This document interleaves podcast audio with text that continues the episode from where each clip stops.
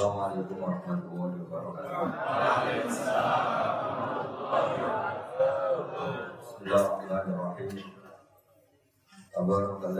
Al-Qur'ana ala 'abdihi liyakuna lil 'alamin nadhira. Allahumma shalli wa sallim ala sayyidina Muhammad wa ala alihi wa sahbihi Semua pengurus taklim masjid Al-Barokah yang teman-teman Penghuni Korea ya? Apa? Imigran? ya pencari ilmu ya Pencari ilmu dan won Yang saya hormati Eh, Saya mungkin mau eh, ngasih materi sekitar 30 menit Nanti tanya jawab. Yang benar-benar tentang agama, bukan keluhan ya. Jadi kalau keluhan repot.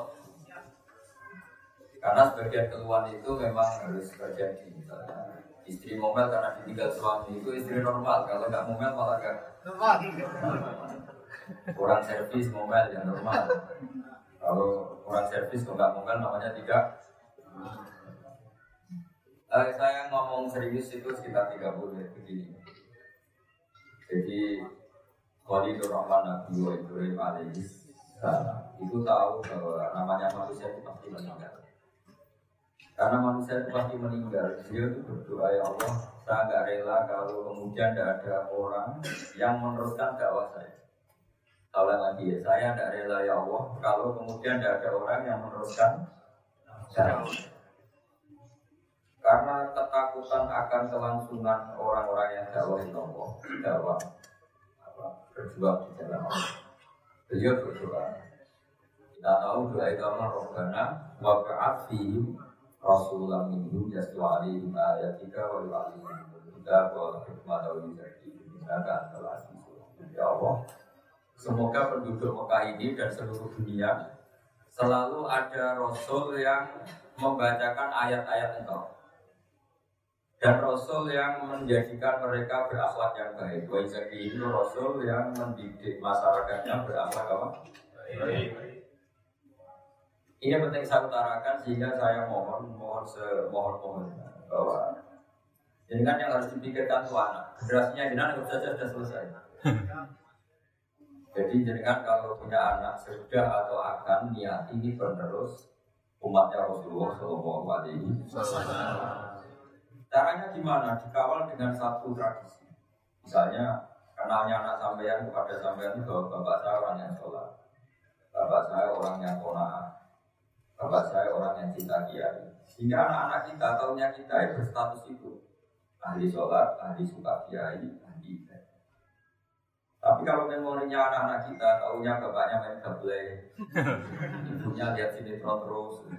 Lama-lama anaknya bilang, wah, ibu kamu siapa? Oh, pengamat televisi. Tapi nggak pernah ada yang gaji. Bapak kamu apa? Ali Beber. Itu repot. Sehingga ini penting saya utarakan. Sebetulnya yang dikatakan Islam itu apa? Islam itu mengikuti para nabi dan di antara syariat nabi paling pokok adalah agama ini harus berlangsung ila sehingga para rasul, para ulama, para apa ini khawatirkan tuh kalau nggak punya turunan. Nabi Zakaria itu sudah tua sekali, istrinya mandul. Beliau punya hak doa mus, doa yang pasti dikabulkan. Beliau berdoa apa? Robbi habli juga waliya yarisuni wa yarisumin ali ya ya Allah saya harus tetap punya anak kandung. Yang anak kandung itu pewaris saya dan pewaris keluarga ya karena didik orang lain itu susah. Susah itu bisa dua, karena orang lain nggak terikat emosional dengan kita. Juga bahwa memang sebenarnya yang paling bisa diharapkan mana kita. Misalnya saya ini termasuk orang yang hafal Quran. Dulu bapak saya didik saya gimana? Itu hafal Quran. Nah orang kok repotnya panjang. Kenapa begitu? Sekali saya ada hafal Quran, Anak saya gak hafal Quran tuh punya alasan bapak ada hafal Quran. Makanya banyak orang Indonesia itu miskin. Alasannya bapak sudah miskin. Kenapa? Kita ngurusin aja gitu. Miskin turunan. Iya, miskin turunan. Miskin turunan. Jadi kalau dalam tradisi kiai bapaknya alim bisa hafal Quran, bisa baca Fathul Qorib, anaknya mau muda itu malu. Kalau ini masih terjaga, anaknya lagi juga malu. Kalau ini masih terjaga, anaknya lagi ya malu. Jika rata-rata di daerah saya, di beberapa kiai itu, kiai mulai buyut-buyutnya. Mulai Sunan Kudus sampai buyut-buyutnya itu alim terus. Karena tradisi ini dijaga. Tapi sekali satu saja ada seorang Gus ke dunia. Anaknya tahunya ngitung uang, ngitung uang, gitu, sampai berapa, di situ pula anak kok. Terus gitu, anaknya tahunya kan, wah bapaknya begitu. Pasti anaknya juga gitu. Karena suka uang itu gak usah dididik sudah hasil. Apalagi dididik. Ini penting kalimat ya Suni wa ya min Ali. Begitu juga dengan di Korea. Oke, kita di Korea yang di rumah. Tapi masih ada pengajian, ada acara mendatangkan kiai. Nanti generasi setelah kamu, entah itu generasi anak atau generasi pekerja, mau tidak begini itu malu. Karena dikawiti atau dimulai dengan seperti ini. Dan insya Allah ini termasuk mansan sunatan hasanatan walau ajwa wa ajman amila dia ila yomin. Ya, jadi anda ada semua bikin satu sunnah yang baik yaitu mesti mencari uang di perantauan untuk nah, tetap bangun mas. Nanti generasi setelah kamu malu. Masa generasi ini bangun masjid setelah itu terus ini digadekan jadi apa? Bar. Waktu yang komplain. Padahal generasi seniornya dari bar menjadi mas. Ini harus kita kawal. Jadi ngawal agama itu tidak boleh memikirkan satu generasi, tapi generasi berikutnya ilayomin. Sehingga para ulama dulu bekerja sama sama TNI, utamanya dulu angkatan darat. Itu mati-matian lawan komunis, bukan lawan secara teori saja. Tapi diundangkan bahwa negara Indonesia itu tidak berpaham. Akhirnya apa? Paham-paham yang salah itu tidak legal di Indonesia. Alhamdulillah dikawal lewat pengajian supaya orang iman la ilaha illallah Muhammadur Rasulullah. Juga dikawal konstitusi karena Indonesia tidak menerima paham Sehingga pikiran yang aneh-aneh itu tersingkir. Nah ini yang dimaksud dalam ayat juz 26 wa ja'alaha kalimatam baqiyatan fi Nabi Ibrahim itu siapa? Nabi yang menjadikan kalimat tauhid itu kalimat yang abadi. Kalimatam baqiyah. Baqiyah maknanya sesuatu yang abadi. Fi di keturunan-keturunan Ibrahim. Ada keturunan genetik yaitu anak Nabi Ibrahim termasuk utamanya Rasulullah Muhammad SAW. Ada anak sahabat. Anak sahabat juga sampai bahwa disampaikan kan Nabi Ibrahim, tapi berakidah menirukan Nabi maka saya mohon pekerja-pekerja di Korea ini, kalau bapaknya ada namanya Karmin, Karlan ya, tenang saja kamu. Karena nasab anda nanti tidak ada gunanya. Nanti setelah di kuburan nasab anda keren. Kita diajarin para kiai guru-guru yang malah ditanya, marah buka jawabannya siapa? Allah, waman Nabi juga Muhammad. Tapi kalau ditanya, waman Abu gak siapa bapak kamu? Ibrahim. Alhamdulillah. Keren ya. Dan mungkar nakir itu tidak orang fasik bukan. Ah, tenang aja masuk anak Ibrahim. Masuk rai ini kok. Nah, kenapa kita semua diaku sebagai anak Nabi Ibrahim? Karena kita penerus ajaran tahu. Maka disebut di Quran wajah itu billahi haqqa jihadi wastabakum wa ma ja'ala alaikum fid min haraj Agama Islam itu agama apa? Millata abikum Ibrahim. Ya. Jadi agama ini berstatus apa? Millata abikum Ibrahim. Itu maknanya apa? Agama ini agama bapak-bapak kalian. Bapak kalian itu siapa? Maka kalau kamu nasabnya gak keren, gak anak kiai, juga gak anak habib, gak anak Surya, juga gak anak Banser. Karena Banser juga gak bisa diandalin. Sekarang-karangnya Banser ngadepi mungkar nakir berani enggak? Pucat ya? Padahal barangnya kalau ngawal kiai ya nanti kalau yang mau salaman sama kiai mungkar nakir tuntas. Ini penting. Nah, caranya ngawal kalimat tauhid gimana? Satu dengan akal. Dan itu yang diajarkan kiai kiai dengan ilmu namanya ilmu kalam. Jadi kalau di pesantren itu ada ilmu namanya ilmu apa? Kalam atau ilmu tauhid atau ilmu logika. Ini penting saya ajarkan ke kalian supaya tauhidnya nasab. Ilmu logika itu dimulai dari pembenaran secara akal. Saya tidak akan bosan-bosan ngomong ini sampai saya meninggal. Yaitu tadi misalnya bumi ini kadung wujud, di mana-mana sesuatu yang wujud pasti disebabkan oleh sesuatu yang wujud. Masa sesuatu yang wujud disebabkan oleh ketiadaan atau nihilisme. Kalau bumi kadung wujud pasti penyebabnya sesuatu yang wujud. Karena wujud penyebab berarti harus berstatus super. Nah super ini oleh bahasa agama disebut wajibil wujud. Sehingga pertama kali kita masih kecil ngaji di musola musola, ini ngajari kita apa sifatnya Allah Taala wujud. Nah, kenapa wujud? Ya bumi kadung wujud. Kalau bumi kadung wujud, penyebabnya harus wujud. Nah, karena dia penyebab harus berstatus wujud kita harus lebih awal wujudnya. Masa ada bumi dulu, terus Allahnya datang ke mu? Kan aneh. Masa penyebab datang Masa ada kebakaran dulu baru apinya datang? Bukan jadi tak aneh. Karena wujud, hitam, karena dia superior, dia super. Jadi khas barang super itu apa? Enggak terkalahkan, apa? Tidak terkalahkan. Maka bersifat bakok. Bakok itu ada dan seterusnya dan seterusnya. Sehingga Quran itu menerangkan tauhid itu gampang sekali. Jika orang paling kafir sekalipun itu kalau diterangkan Quran banyak yang iman, padahal dari kafir. Apalagi sampai yang mulai kecil sudah Islam. Cuma dididik suka uang gitu jadi. Tapi alhamdulillah barokahnya iman masih dikira mas. Dulu itu Nabi kalau menerangkan tauhid ini saya punya uh, ilmu-ilmu ringan yang diajarkan Nabi. Agama itu ringan. Jadi itu loh bisa jadi agama ini ringan. Logikanya juga ringan, tapi tidak terbantahkan. Ringan tapi tidak terbantahkan. Kata Rasulullah SAW, orang kafir Mekah itu Tuhannya banyak. Logikanya mereka berpikir, ya Muhammad kalau urusan kita banyak, problem kita banyak, ya Tuhannya harus banyak. Masa problem kita banyak, Tuhannya satu, udah cukup mas. Ya kan, utang kamu banyak, kasusnya banyak kan, macam-macam bikin istri, tetangga, mertua, saudara, teman, kianat, macam-macam. Namanya di dunia problemnya kan belum yang kita tahu tambah banyak lagi problemnya. Wah di seluruh dunia maksudnya ada hanya sampai semua orang punya masalah macam-macam. Sehingga orang Arab jahiliyah itu mirip orang Cina. Kalau masalahnya banyak, dewanya Oke, secara kemudian Rasulullah secara sabar memberi satu pengertian. Jika kamu jadi guru, awal lagi jika kamu jadi Suka nggak punya majikan banyak, yang perintahnya beda-beda. Yang kalau dituruti salah satu membuat yang lainnya benci atau marah. Wah yang enak Muhammad, kalau majikannya banyak repot kita melayani orang banyak.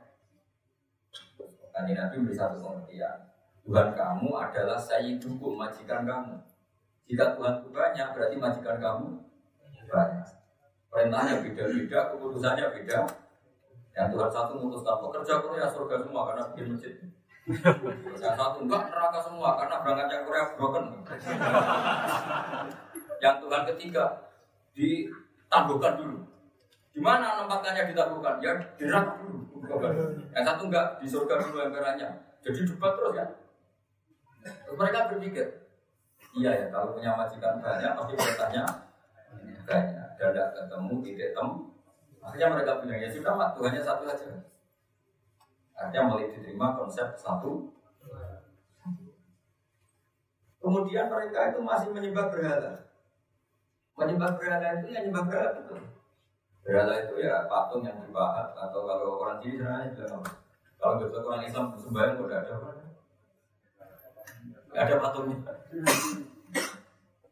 itu patung ya. Itu mereka begini. Kata Rasulullah begini. Dorobahu masalah. Allah membuat satu perumpamaan. Perumpamaan begini. Adam maklukan. Itu ada dua ayat yang tentang itu.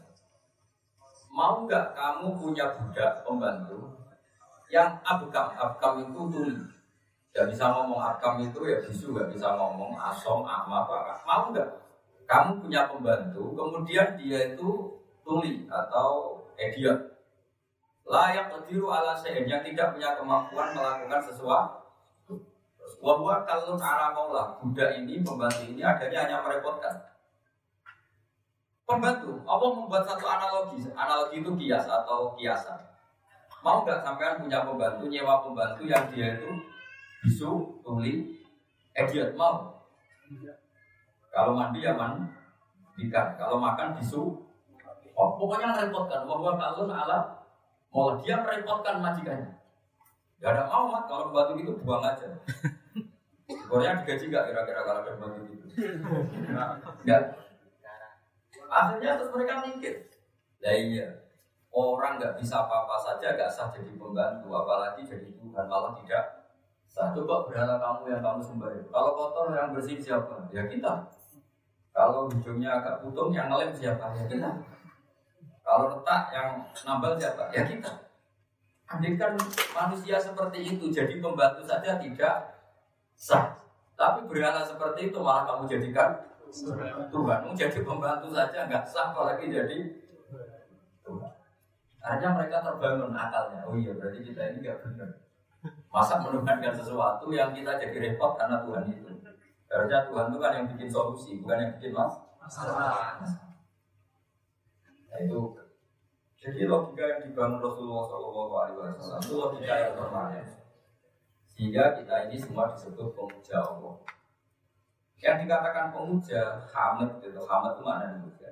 Tentu sesuatunya layak dipuja. Sesuatu layak dipuja yang apa? Yang super.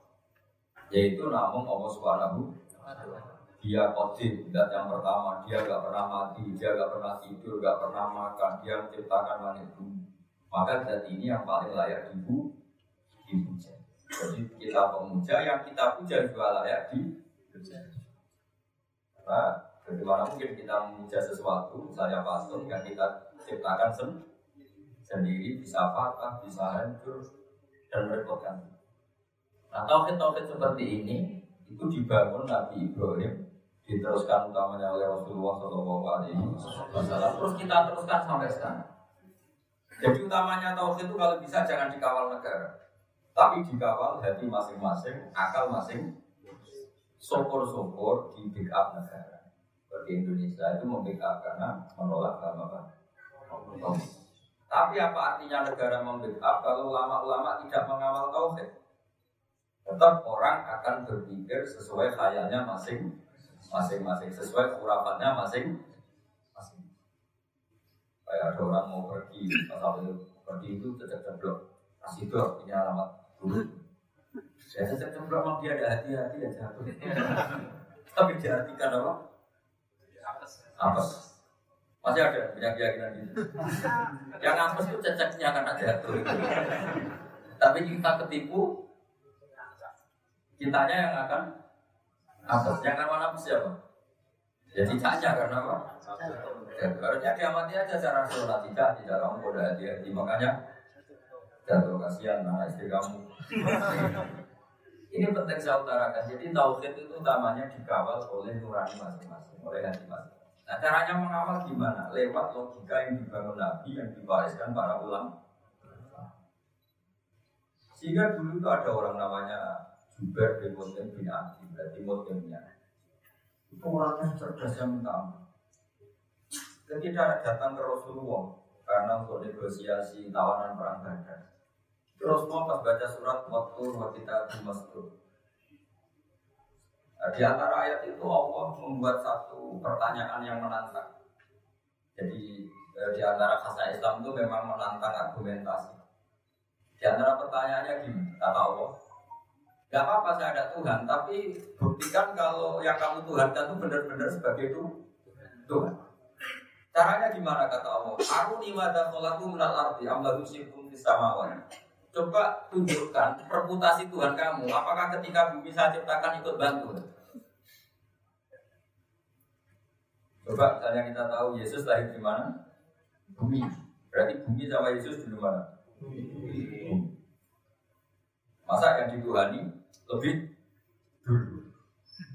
Karena juga itu, mau luhur merasa Tuhan. Oh itu melihatnya Paul jadi melihatnya.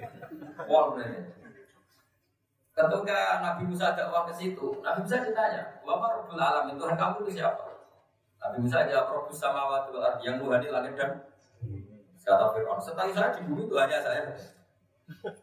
Soal kemungkinan Tuhan ada di langit terus Haman dipanggil Haman, kamu kan arsitektur, coba bikinkan piramida yang tinggi. Saya mau melihat Tuhannya Musa. Paling di sana ada ada. Ada kan dia naik betul kan berarti betul betul Tuhan nggak terlihat. Paling dia tetap ke luhur, nggak ada apa, nggak ada apa. Tuh. Tapi yang mematikan argumentasi Fir'aun itu malah sesuatu yang sederhana. Terus kata Musa, gini saja, Tuhanku adalah yang menuhani kamu dan nenek moyang kamu. Rabbukum wa rabbu abaikumul awalin. Itu punggawa-punggawanya Fir'aun langsung iman semua. Karena mereka sadar. Iya, Fir'aun punya bapak, punya bapak, punya budi. Kalau dia Tuhan, bapaknya Tuhannya siapa? Ini Tuhan datang terlambat. Itu namanya logika. Karena kalau menuruti keinginan Fir'aun ingin membuktikan Tuhan di langit, kira-kira Fir'aun melihat Allah enggak? Enggak? Karena Allah itu tidak bisa dilihat oleh mata-mata yang zaman di dunia. Tapi di logika kan, roh hukum, roh buah baik awalin. Fir'aun pernah balik tanda? Pernah kan? Tuhan kok latihan jalan. Tuhan kok meler kan? Tuhan kok membelah kan? Pusing tadi penjelasannya kan pusing. Tuhan kok ada ulang tahun, ada tahun kelahirannya.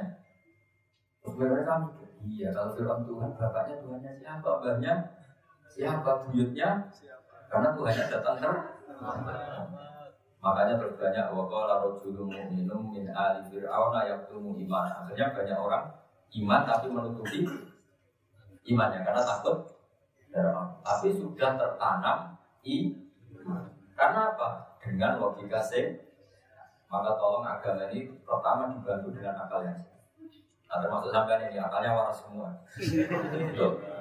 Meskipun suka uang, tapi sadar. Boleh juga ramus di suke, suatu ini ramus di ah urun masjid. Ini urun masjid.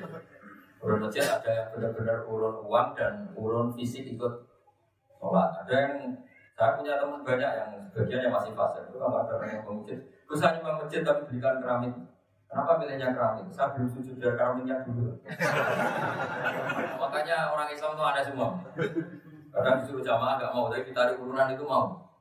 Karena yang sholat biar uangnya dulu kita nyusul ya. Aduh. Ya nggak apa-apa lah, sementing ada yang sholat dulu. Ya proses semua itu proses. Gak mungkin orang langsung baik 100 persen. Makanya saya termasuk gak setuju sama jargon Islam kafa itu karena semua itu proses. Kafa itu ya ada prosesnya karena Islam itu lah sabun atau bakon an tobat setapak demi Masa latihan Islam langsung disuruh kok? Kafa, kafa itu komplit. Komplit itu ya sholatnya benar, pakaiannya benar, khususnya benar, perilakunya benar. Ada enggak seperti itu kalau enggak Nabi? Jadi semua itu apa? Saya teruskan. Jadi agama ini usahakan dibantu atau ditopang, ditopang oleh akal. Karena agama ini di kaum yang ilmu, di apa? Syukur-syukur ditopang negara kayak Indonesia. Ada apa? TAP MDR yang melarang paham apa? Ada Islam atau Syukur-syukur ditopang oleh kultur kayak dengan ini menciptakan satu kultur kerja di Korea di negara orang tapi bikin masjid bikin komunitas ngaji jika orang setelah anda misalnya dengan pulang meskipun nggak jadi kiai jadi kiainya di Korea karena di sana pesaingnya banyak jadi siap-siap nggak jadi dewan suro ya. Di sini bisa bergelar imam besar ya. Dewan suro. Di sana ada Gusmus ya. Akhir. Ada keluarga buntet. Nah, utamanya ada keluarga sarang Lirboyo. Kira-kira tuntas. Maka sebelum tuntas ya matilah jadi mufti di sini makanya ya mumpung di sini itu sekeren kerennya jadi apa Ustaz. Makanya mohon lah ya Ustaznya itu dicucuk di rumah kesempatan apa? Setelah pulang ini tidak tahu saya. Malah tadi saya dapat cerita pernah di sini di Suro pulang rumah kambing. Saya sampai nangis tadi mulai perjalanan dari mana tadi? Dari Market aku, digital pernah ada di Suko, sekarang pulang itu. Tapi menurut Islam nggak masalah. Dewan Suro ya simbol kesolehan, angon kambing juga simbol kesolehan. Dulu para nabi juga angon kambing, nggak apa-apa. Semua nabi pernah angon apa? Jadi Dewan Suro semua, semua nabi yang ngajar, tapi semua nabi juga pernah ngon. Cuma ini agak kebalikan. Normalnya kan akan kabul dulu, lama-lama jadi kiai ini gak jadi kiai dulu.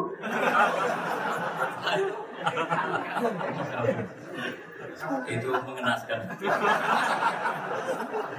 tapi, tapi percayalah itu hanya hukum manusia dan dunia. Kalau dia ikhlas tetap berstatus Dewan Suro fil Jannah. Meskipun dohirnya hanya non, anggap saja itu wali mastur, wali yang tidak. Kelihatan. Ya apa, sudah dinikmati. Tapi yang jelas Anda harus syukur ya. Eh, Di balik kita suka uang, suka macam-macam, tapi tetap lebih suka kepada Allah Subhanahu. Itu ciri utama orang mukmin. Waladina amanu asyaddu hubbal lillah. Asal orang itu iman, pasti cintanya sama Allah luar. Saya itu punya banyak kawan mahasiswa. Saya itu tidak kuliah, tapi saya di Jogja. Sekarang saya masih kerja di Universitas Islam Indonesia. Itu di Jerman, di Australia, itu kuliah. Zaman kuliah yang saya sebagian tidak pacaran, tapi sengamur-ngamurnya orang Islam itu selalu yang di Jerman yang bikin komunitas, tahu-tahu bikin masjid. Di Australia juga gitu. Mana-mana di Polandia dia ya. Ternyata nggak hanya yang kuliah, yang kerja, bukan nggak jenengan itu. Siapa nggak tahu Korea negara apa? Dan di sini kan, ya negara seperti ini, tapi top aja kerja, bikin masjid, jadi kiai, alhamdulillah. tapi saya mohon, Mas, kerennya bukan karena jadi kiai, karena ngurus agamanya. Kayaknya kalau umur jadi kiainya terbatas. Tahun ada SK-nya ya? Empat tahun 10 bulan. Itu aja kalau masih di sini, setelah pulang Menudus. nggak tahu ya nasibnya ya. Kalau di daerah yang basisnya pondok ya tak kobal Allah. Kalau pulangnya ke Papua masih jadi. ya. Ya, Kalau pulangnya di Jawa ya Masalah. Kita Itu di Buntet tuh ada cerita unik. Ini pondoknya Kang Mesin itu. Terus saya lihat teman. Ini betul ini tradisi yang ya agak kacau tradisinya. itu muridnya Ki Izidin tahu Ki Izidin. Ki Izidin itu kiai paling top di Buntet. Paling top. Itu ada santri dari Jakarta. Ngukur topnya Kiai itu pokoknya yang dicucuk itu top. Seperti saya ini kan sampai cucuk. Cara anak itu berarti top. Kalau menurut Allah enggak top tuh takwa itu top. Saya saja sampai sama saya top sampai karena takwa. Masa ada yakin. Tapi bisa saja, bisa saja itu ya, bisa ya, bisa tidak. Sehingga cerita semua kiai buntet itu nyucup sama kiai siapa? Di situ. Bangganya bukan main santrinya, karena dia ya santri Jakarta antara berpikir. Suatu saat Kiai Sudin itu ngundang Bang Maimun juga. Bang Maimun itu guru saya, guru kita semua. Ngundang Kiai Maimun. Kiai Maimun itu gurunya Kiai Sudin karena Kiai Sudin dulu ngaji di sana. Pas pengajian dulu, pengajian perempuan. Anak itu lihat dari tingkat. Lihat Kiai nya nyucuk Bang Maimun. Kecewanya bukan itu melihat Kiai nya nyumbang, aduh Kiai sakit kok.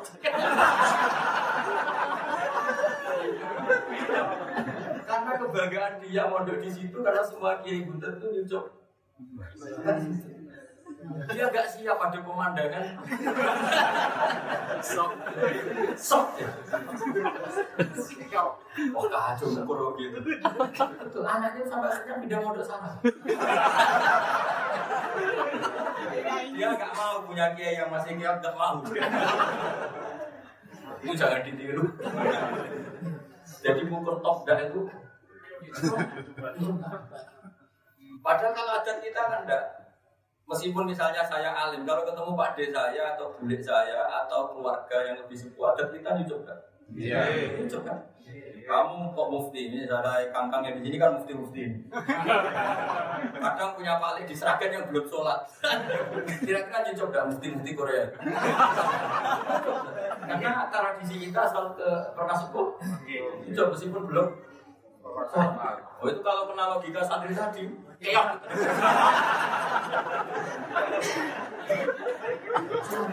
Kiai saya apa? Kalau bilangnya ada kalah saja.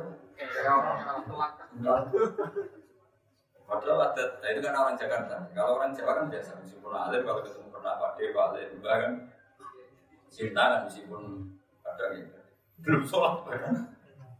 Ya tapi ini intermisa yang jelas saya mohon sekali agama ini satu awal dengan. Itu tadi kalau langit bumi ada berarti penciptanya ada. dan karena pencipta harus bersifat lebih dulu. Nah, lebih dulu itu dalam bahasa kita disebut apa wujud di kalau bahasa Quran wal awalu wal akhiru wal itu penting sekali. Dan zat yang pertama itu kita imani yang bernama Allah Subhanahu wa taala. Tapi bagaimana orang kenal Allah kalau anak-anak kita tidak pernah melihat kultur melafatkan kalimat la ilaha Coba anak kita ini pasti suci karena belum dosa kayak bapak-bapaknya. Ya kan anak itu lahir. Kemudian pas dia berpikir hidup di Korea atau di Uni Soviet, gak pernah dengar kalimat tauhid. Sesuci-sucinya anak ini kira-kira jadi apa? Karena gak pernah melihat pemandangan ajaran tauhid. Kenapa anak-anak kita di Indonesia lalu tauhid? Karena baru lahir di ini. Pertama kalimat yang dia dengar kalimat kalimat ada atau kalimat tahu. Nanti pertama dia bangun ada acara keselamatan, bacanya juga kalimat Kalau habis maghrib dipetai ngaji, ke juga diperkenalkan kalimat Meskipun bapaknya nggak ikut ngaji ini bro. Ayo langsung ngaji dong ngaji. Bapaknya semuanya semuanya dulu TV. Kopi. Kopi ngerokok. Rokok. Anaknya nak ngaji. Itu agak ajaran yang gimana? Dikatakan ajaran sesat nyuruh anaknya ngaji. Dikatakan ajaran benar bapaknya ada ikut. Coba itu gimana itu? Coba ditanyakan ke MUI itu gimana? Ajaran apa itu? Kalau Habib Umar ajaran apa? Ya, nah. Tapi kan ada yang nanya, ada benernya nyuruh ngaji. Berarti bener separuh. Salah separuh. Pas ya, mas. Banyak gitu. Ya semua ya. Kalau tidak keluarga kiai kayaknya kelakuannya sama seperti itu. Jadi agama ini dikawal dengan.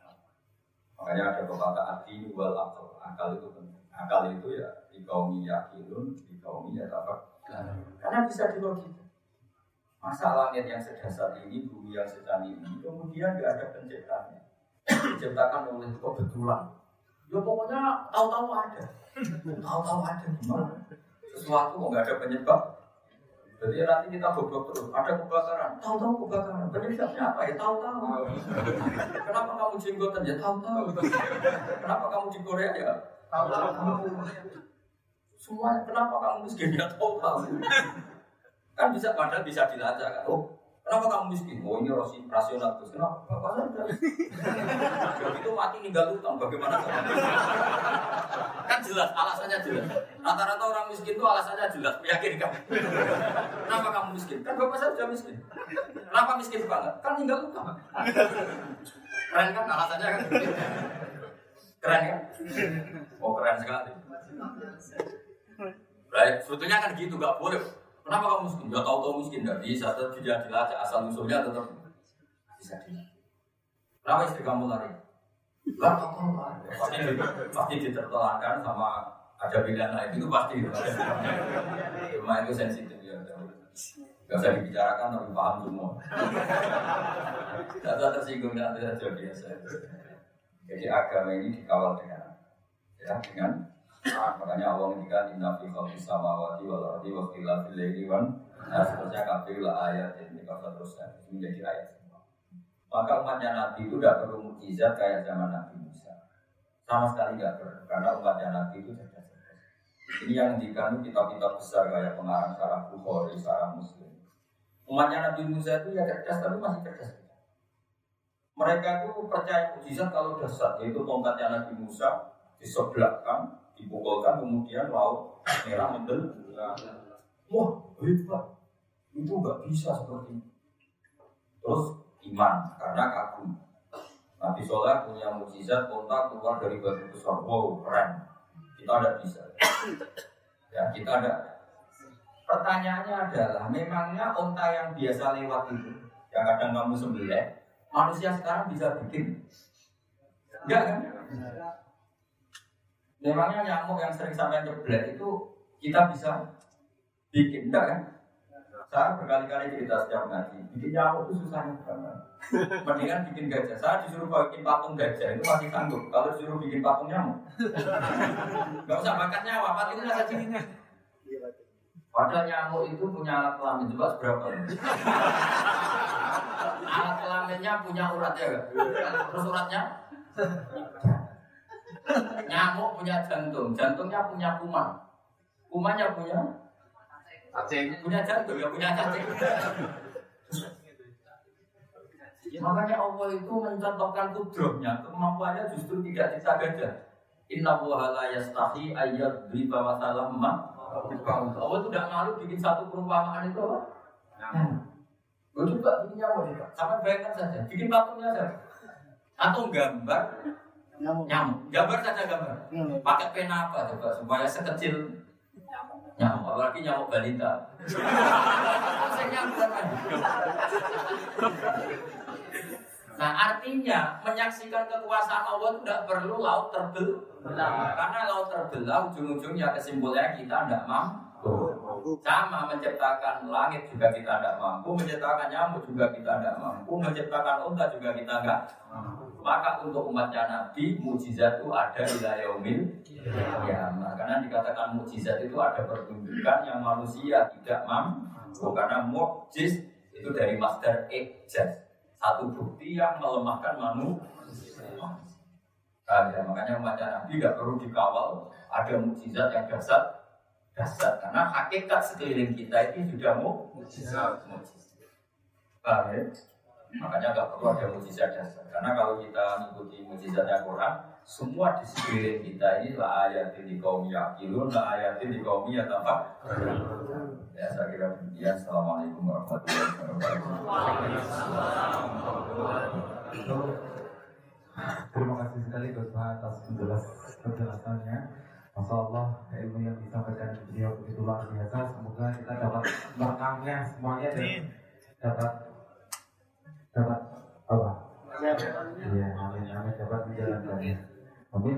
Dan mungkin ada pertanyaan dari mas-masnya ini semuanya dari akan akan soleh semuanya. Oh iya, nah silakan dari situ aja.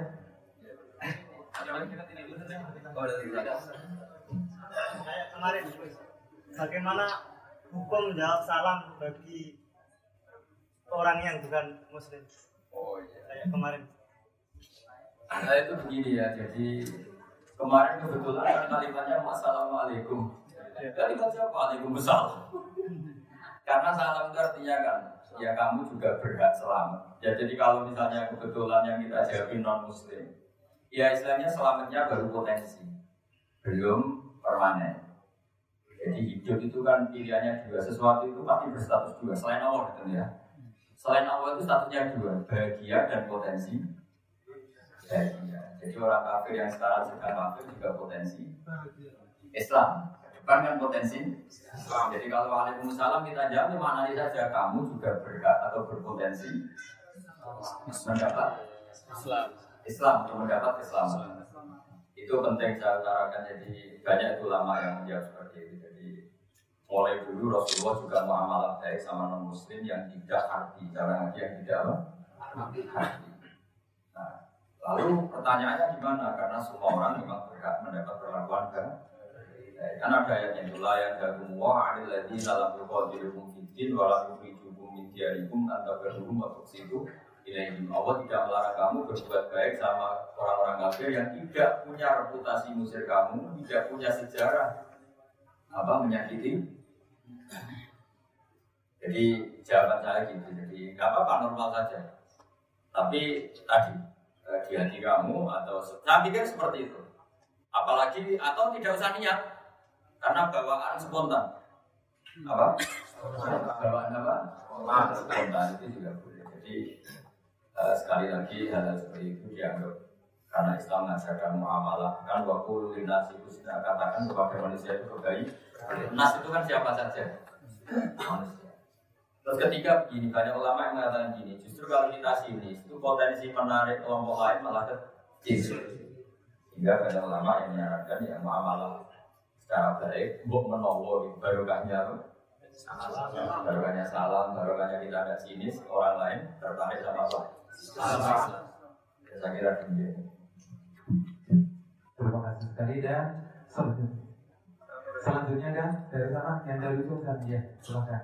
Saya sebelum ke sini itu pernah mendapatkan pengajian waktu eh, Bapak Roma itu menjawab non Muslim itu dengan jawaban Waalaikumsalam. Itu kalau nggak salah artinya laka kamu itu sebenarnya yang sebagai itu apa yang bisa diceritakan? Oh ya itu hadisnya spesifik gitu. Yang yang sama ceritakan tuh hadisnya spesifik. Jadi gini orang Yahudi itu kirim salam ke Nabi, nadanya seakan-akan salam, tapi assalamualaikum ya Muhammad. Sam itu kematian, oh? Celaka atau kematian ya? Ya, celaka atau kematian. Sajane mana pasnya kematian? Saya jamin tuh di kamus itu mananya ada celaka. Sam itu kematian. Ya, tentu tentu kematian itu bagian dari kecelakaan menurut orang banyak ya. Kalau menurut Wali ya tenang saja. Jadi orang Yahudi itu seakan-akan kalimatnya itu Assalamualaikum ya Muhammad, tapi Sayyidah Aisyah itu dengar kalau kalimat itu benar-benar Assalamualaikum ya Muhammad. Tetapi jawab Waalaikumsalam. Jadi bukan konteks yang kayak kita alami, itu beda. Kasus. Ya, untuk kasusnya beda. Ya, beda. Itu saya jamin asli riwayatnya seperti itu. Ya. Masya Allah ini penjelasan yang luar biasa dan maaf ini yang sebelah sini dulu ini Partainya selesai nih. Maaf, belum maaf, kan. sini dulu, sini dulu, yuk kan. Coba yang paling belakang kan.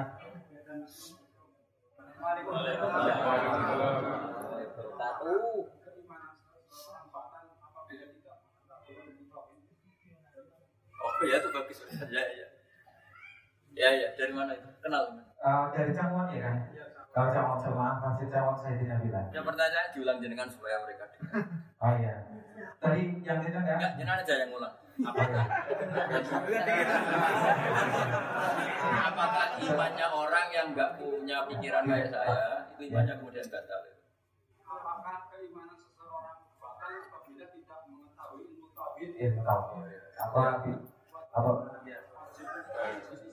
Oh iya, keren. Jadi begini ya, jadi pertanyaannya saya ulang lagi, apakah iman seseorang batal kalau nggak ngerti ilmu tauhid? Misalnya sifat wajibnya Allah, sifat dari sifat mutlak.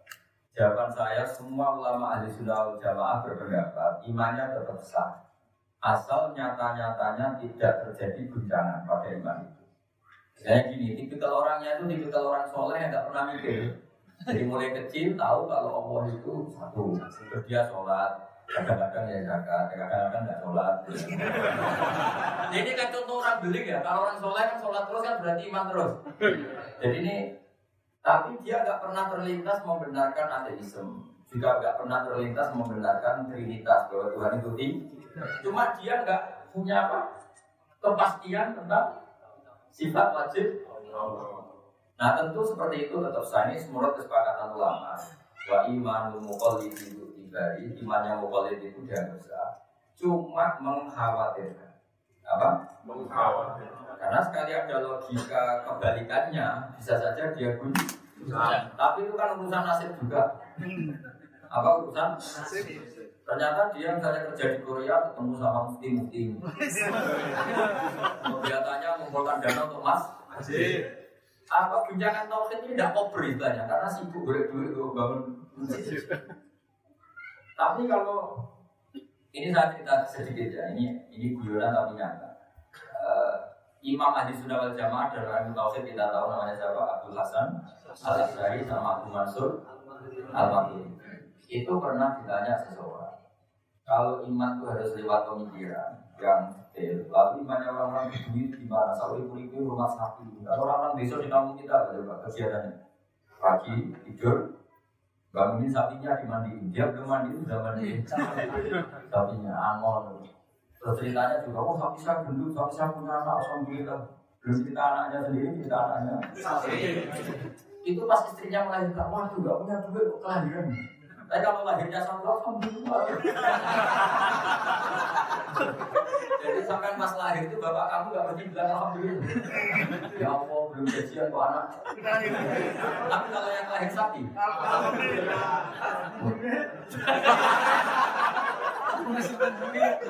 Air. makanya banyak anak yang gak loyal sama bapaknya karena ketika lahir itu yang direspon. banyak kayak gitu. Banyak. Apalagi yang latihan-latihan hidup tuh, ya, yang belum makan. Kalau ada kabar kelahiran tuh. yang parah teman sampai lebih parah lagi. Itu kabar temanmu kelahiran, waduh dua. Jadi anda lahir sudah banyak yang menyesal. Makanya jadi kayak gini, karena pas lahir nggak ada yang lafalkan alhamdulillah. Sudah diterima aja takdir itu kita. Nah singkat cerita Musa al itu ditanya tadi Bima apa? Bagaimana anda mensyaratkan itu? Sementara orang-orang Bedui itu orang kampung-kampung itu nggak bisa mikir. Kata Abu Musa kita buktikan. Eh, hasil si Abu Musa al ini jalan-jalan sama penanya tadi ketemu orang desa orang Bedui terus orang Bedui itu ditanya gini Bima araf tarok Lalu kamu tahu Tuhan kamu gimana? Kan nggak potongan apal sifat wajib, sifat jais, sifat mau. Jawab malah marah, si Bedui tadi marah.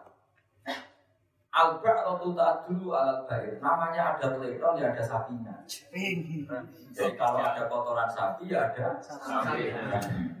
Wa asarul akdam ya dulu alat masir. Kalau ada jejak orang lewat, berarti ada yang ada orang lewat. Misalnya ada jejak telapak anjing, berarti yang lewat anjing.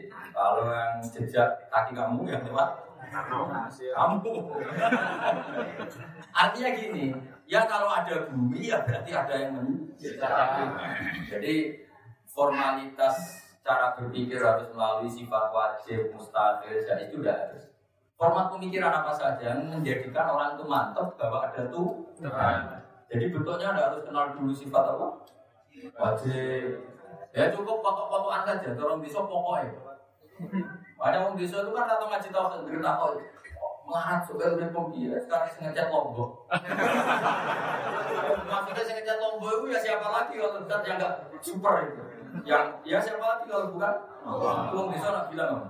Sengaja lombok. Kadang mesti gawe langit tambah sopo. Tapi tetap mengarah ke permanen bahwa Tuhan itu apa? Itu sudah. Saya kira begitu. Terima kasih. Siap ya. Dan selanjutnya kan dari Masjid Al Kausar, Kyongju, coba silahkan. Yang berdiri? Bisa berdiri kan? Berdiri, agak keras ya.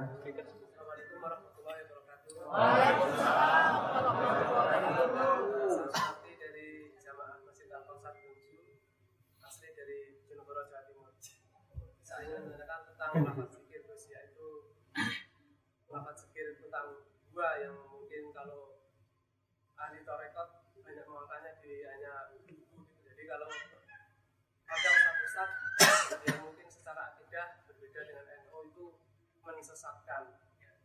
Ini yang benar bagaimana? Terima kasih. Yang benar menurut saya apa menurut siapa? syariat lah kalau terima kasih Oh ya itu coba diulang lagi jadi. biar punya pekerjaan. Sebetulnya saya hafal tapi biar punya pekerjaan.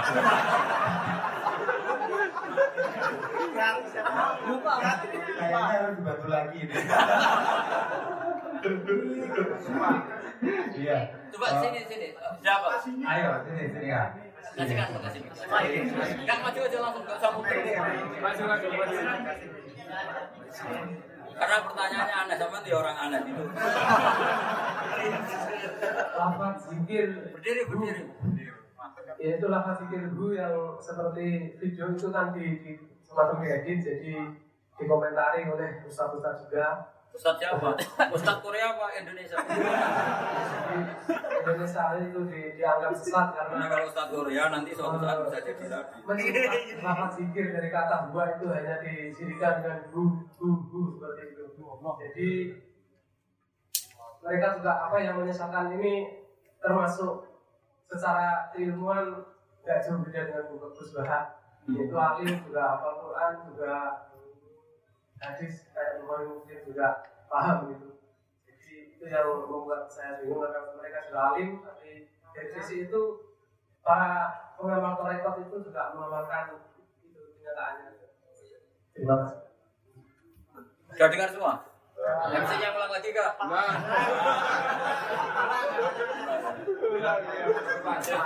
Di, disimpulkan. Tugasnya MC ya? Coba disimpulkan. Ya, intinya dari mas pertanyaan tadi yaitu banyak sekali sekarang video-video yang diedit gitu kan ya. Dari ustadz-ustadz banyak yang mengamalkan zikir yaitu bubu gitu. Iya. bener bener ya.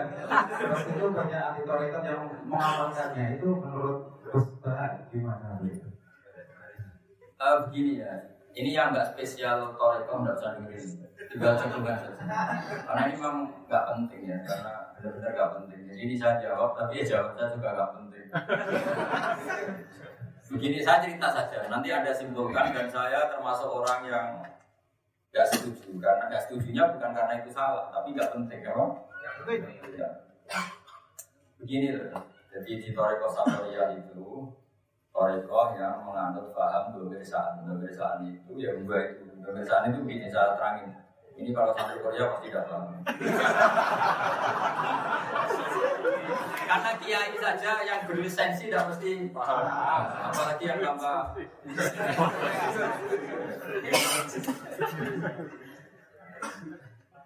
Eh, Begini, pemeriksaan itu kira-kira kalau bahasa Indonesia gini.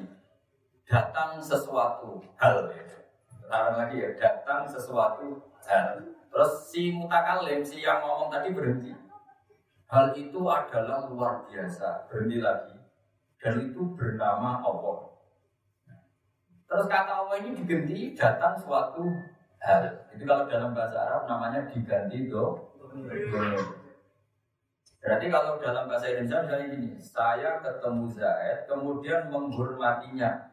Katanya adalah pengganti kata Tapi dalam wiridan hanya bilang nyanyak kok. Ya. Nya, nya, nya. Kamu hormat siapa? Nya, nya, nya. Ini kan bikin salah paham. Bikin salah paham Tapi kamu katakan sesat, yang ngomong paham. Nya ini ke mana? Dia ngomong. Nah, ya makanya. Kul huwa seperti itu. Kul katakan Muhammad. Gua utawi sing ono ning atiku. Atau gua utawi hak sing nyoto. Dan gua yang di depan dulu itu namanya domir. Sa. Kul katakan Muhammad. Gua utawi sa'an. Yang benar-benar jadi urusan kita bersama itu adalah Allahu ah Allah itu. Itu sama dengan fa'lam annahu la ilaha illallah. Maknanya juga sama fa'lam ngerti ya sira annahu sak temene sak itu sesuatu yang faktual, yang nyata. Sing nyata ning dunia itu la ilaha illallah. Tapi dia tidak ngambil la ilaha illallahnya ngambil Nah, eh, karena sesuatu ini potensi bikin gaduh ya, tidak usah anda lakukan. Tapi alhamdulillah sebelum saya larang anda jenis orang yang nggak lirikan.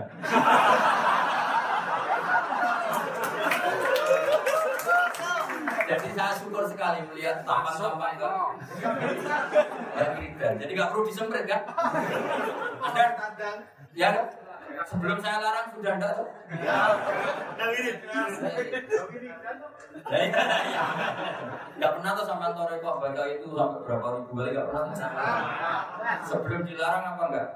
Sebelum dilarang. Jadi kalau dalam aturan syariat, nah tapi kalau kita menfonis yang melakukan itu kalau sadar karena ada sanatnya, kalau sadar ya sudah biar dilakukan dia itu urusannya dia. Itu kan ibarat tadi. Kamu punya sandi sama istri kamu, ya kan punya sandi. Pak, ibu wes, wes ibu wes. Nggak tahu ibu opo. Misalnya orang Korea baru datang ketemu istrinya, mesti tanya, wes bar, wes. itu yang paham ya yang melakukan itu. Tapi orang lain harus sopo. ya ya kira-kira gitu. Nyenya itu datang seorang Zaid kemudian saya menghormati itu dipotong semua terus jadi? Nah, baru apa? Barunya lagi apa? Ya kan bingung kan orang banyak Nah, domir itu seperti itu karena lafat kul dua wakat dimulai dua, faam anahu juga dimulai dua. dua. Bu itu lana bu itu. Ya, jadi saya mohon sekali ini jangan jadi fitnah, jangan jadi apa punya kita yang umum-umum saja lah. Ini dari la ilaha illallah. Ya, Cuma khusus mau mati, saya punya saran. Khusus mau mati harus ingat saya itu. itu begini, kiai-kiai Jawa itu alim-alim. Sehingga ada orang Jawa kalau nanti orang mati itu tidak la ilaha illallah tapi Allah, Allah, Allah. Itu sudah ada modifikasinya. Ada apa? Sebetulnya teks hadisnya berbunyi ini Maka na akhiru kalam la ilaha illallah dakhala Nah, Orang yang akhir hayatnya melafatkan la ilaha illallah dakhala Bukan war, war, war. Apalagi mau mati. Sertifikat, sertifikat. Terus mati. Ternyata maknanya sertifikat digadekan Gak boleh, harus apa? La illallah.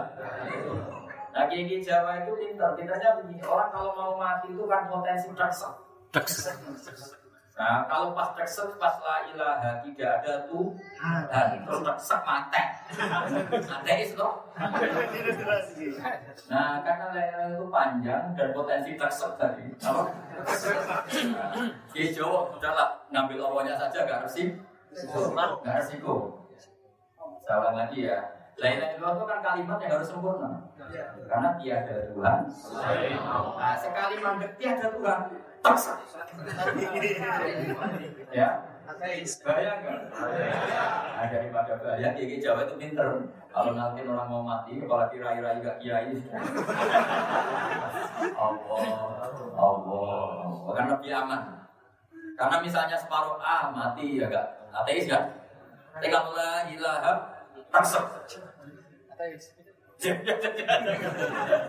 Pokoknya resiko apa? Nah, jadi itu kearifan, ya, bagian dari kearifan kiai. Kiai Jawa. Jadi ya sama, guru itu menurut kearifan kita, ya kalau bisa kita yang nggak itu kalau itu nggak usah. Itu potensi tadi disalah. Ya, disalahkan. Tapi ya kamu nggak usah anti-anti amat karena bagi pelakunya mungkin punya sana. Ya. Jelas ya? Alhamdulillah barisan kanan kiri sudah sekarang barisan depan. Nah terakhir ini nanti kok Oh terakhir ya? Ya, iya. Ustaz ya? Terakhir. Kok terakhir ya Ustaznya. Ustaz terakhir. Ini tantangan ini loh. ya, ya. Nama. Ustaznya aja diganti. Muftinya, muftinya. Asimik kak. Ya, ya ini. Sudah terang terakhir. Jika perlu dipanggil Ustaz ya. Ya, ya.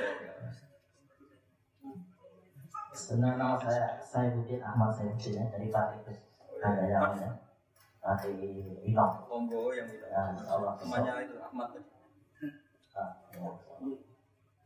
Ini pertanyaan saya di Korea ini banyak jumlah jumlah sejati kan. Pertanyaan apa keluhan? Pertanyaan karena kita sebagai bos sangat permintaan banyak sekali adalah mereka kadang ada punya calon di sini kok pengen dinikahkan. Nah itu solusinya bagaimana perwakilan masalah wakalah apakah cukup dengan apa nama video call atau harus tertulis atau bagaimana? Terus saksinya juga bagaimana caranya kalau di sini kan kita tidak tahu dia dari mana terus dari apa saja Maksudnya jabat orang Pakistan itu. Tidak di Indonesia, Indonesia saja tapi kan ada daerah kita tidak tahu asal usul dia yang laki perempuan bagaimana syarat daripada saksi. Saksinya apa syarat walinya? itu termasuk tadi wali wali wakil pangkalan dari bersama saksinya. Karena ini banyak kasus di antara para Ini di, dimintai untuk menikahkan. Dan kita wah belum berani belum berani itu masuk kasus-kasus yang update kan? Apalagi yang bisa pilih lah karena mereka sudah tidak bisa balik kalau balik harus jauh sudah bisa istri lagi terus kembali nikah di sini ini banyak banyak minta ya ini boleh saudara apakah Pak kamu boleh beri saja atau Iya bagus gitu. lalu gimana Supaya ingat asal usulnya. Ya terakhir kamu. Ter- Teruskan aja pertanyaannya. Supaya tapi terakhir betul loh ya. Jangan. ya langsung aja. Nanti ini ada MC-nya. Ada. Baik. Eh, Terima kasih. Demikian. Baik, terima kasih. Assalamualaikum warahmatullahi wabarakatuh. Terima kasih untuk kesempatannya. Eh, saya yang saya tanyakan di sini, Ustaz, eh, bagaimana cara kita istiqomah eh, menjalankan ke- eh, kebaikan di Korea ini, apalagi di Korea ini apa eh, mayoritas non Muslim gitu. Dan ini satu lagi, Ustaz. Eh, dan saya gini, Ustaz. Eh, kalau saya sholat tuh agak males gitu kan agak gimana nggak nggak males kita mau bangun mau bangun terus saya bertanya dalam hati saya sendiri kalau bukan karena apa karena perintah Allah atau menyembah Allah saya tidak akan melakukan sholat apakah boleh kita berniat gitu Ustaz? Boleh, boleh, itu. boleh. Khusus kamu boleh.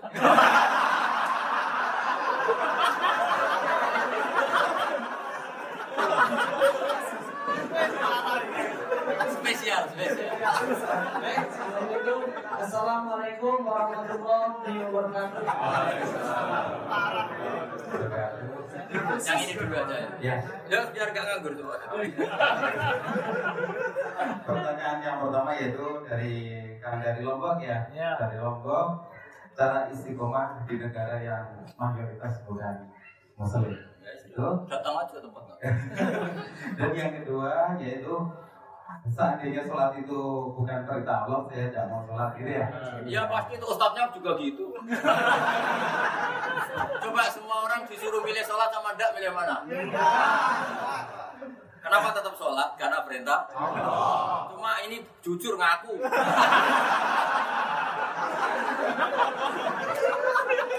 Mas Yo, muftinya juga gitu toh?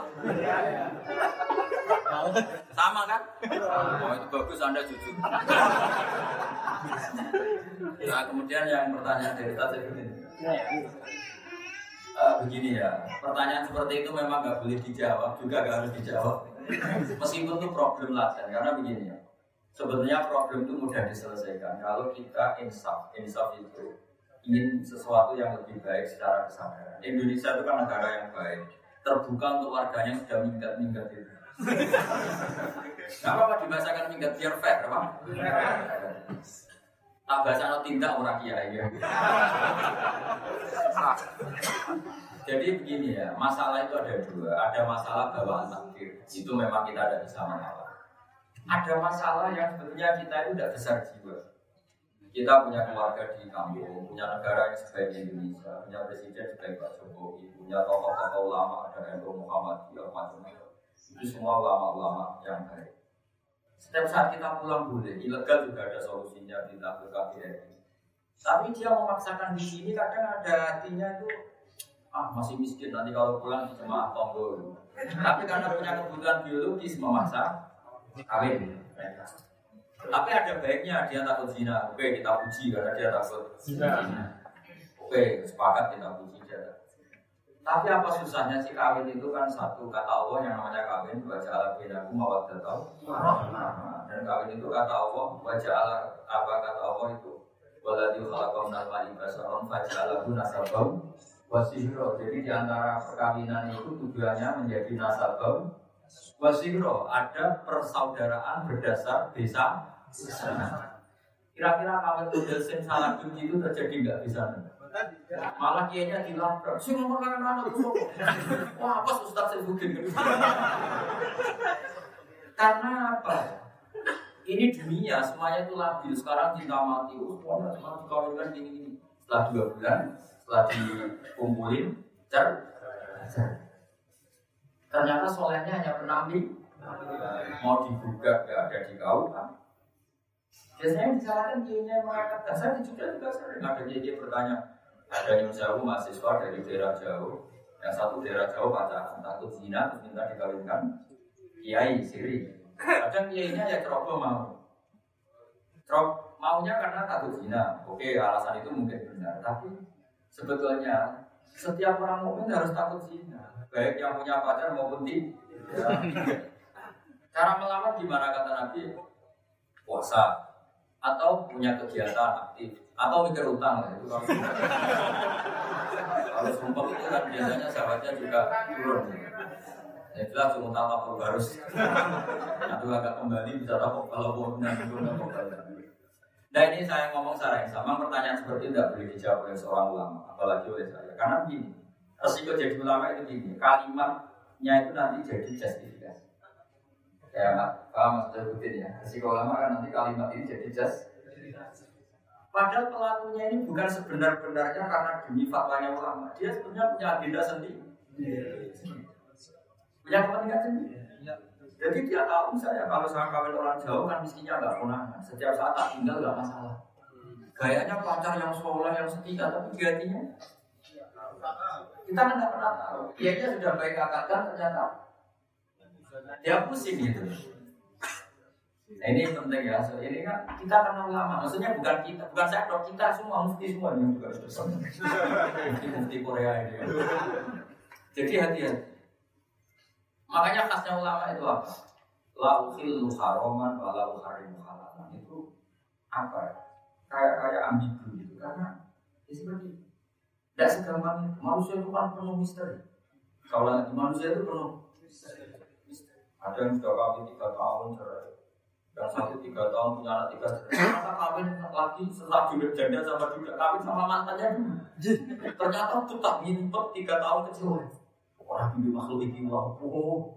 Yang satu yang orang bisa sama makhluk ini oh. Setelah sama-sama cerai kelihatan aslinya Rabi sama mantan pacarnya. Tapi manusia belum bisa dapat wah tinggal ngumpet. Tiga tahun pura-pura kawin sama orang yang tidak izin, bikin modus supaya cerai. Manusia itu sekian deh. Makanya Allah itu kalau betul manusia, terutama yang benar-benar itu wa makaru, wa makaru, wa wa khairun. Jadi kita jangan sampai terjebak. Sama itu kan misalnya ada orang menjual Islam, Islam sendiri, Nanti yang terkenal dianya apa Islam? Dia, dia. Salis pidato, dapat uang, dapat penghormatan. Dia sendiri tidak pernah mikir Islam, besok pidato, tidur, pidato, tidur. Saya itu termasuk dia yang jarang mau diundang. Saya datang ke Korea bukan karena memang dari awal saya niat datang ke Korea. Cuma nunggu waktu, kebetulan pas. Karena memang Mas Eko itu santri saya lama di Jogja. Dia ngaji saya lama, mulai 2006 kalau nggak salah.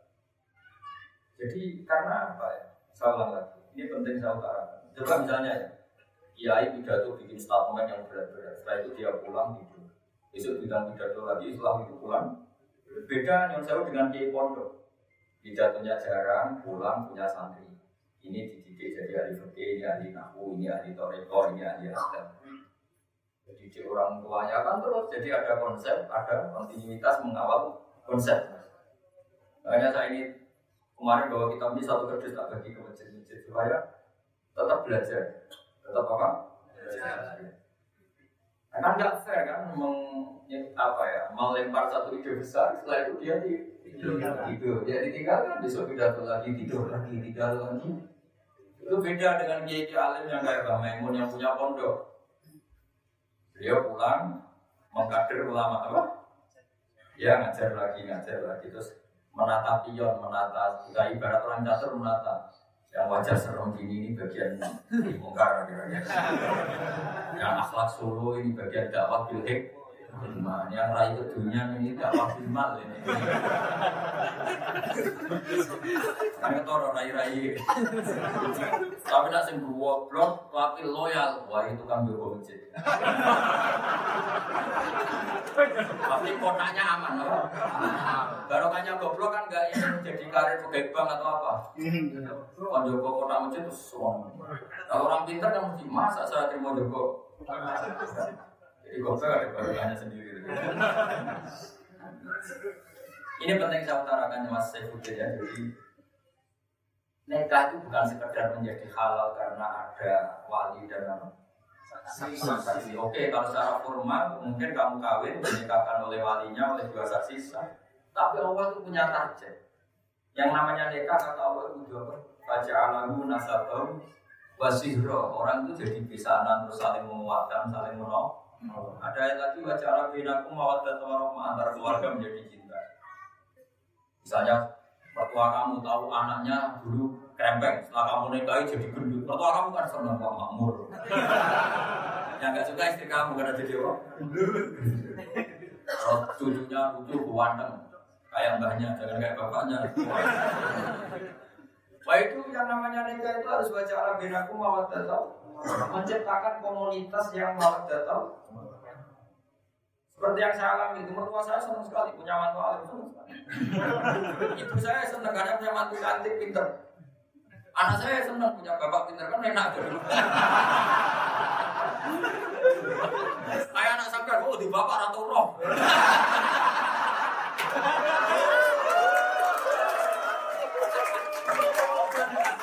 Nah, nyindir biasa. Yang saya omongkan ini kan ada di perasaan sampean tuh. Makanya tidak nyindir biasa. Nyata, nyata kan. Makanya yang pentingnya ikhlas seperti ini ya sudah tepat saja. Ini kan tanpa saya omongkan hati kamu gitu tuh.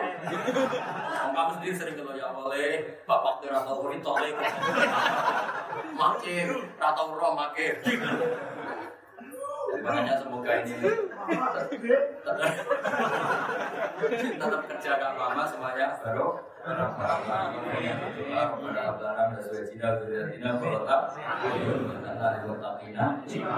Assalamualaikum warahmatullahi wabarakatuh.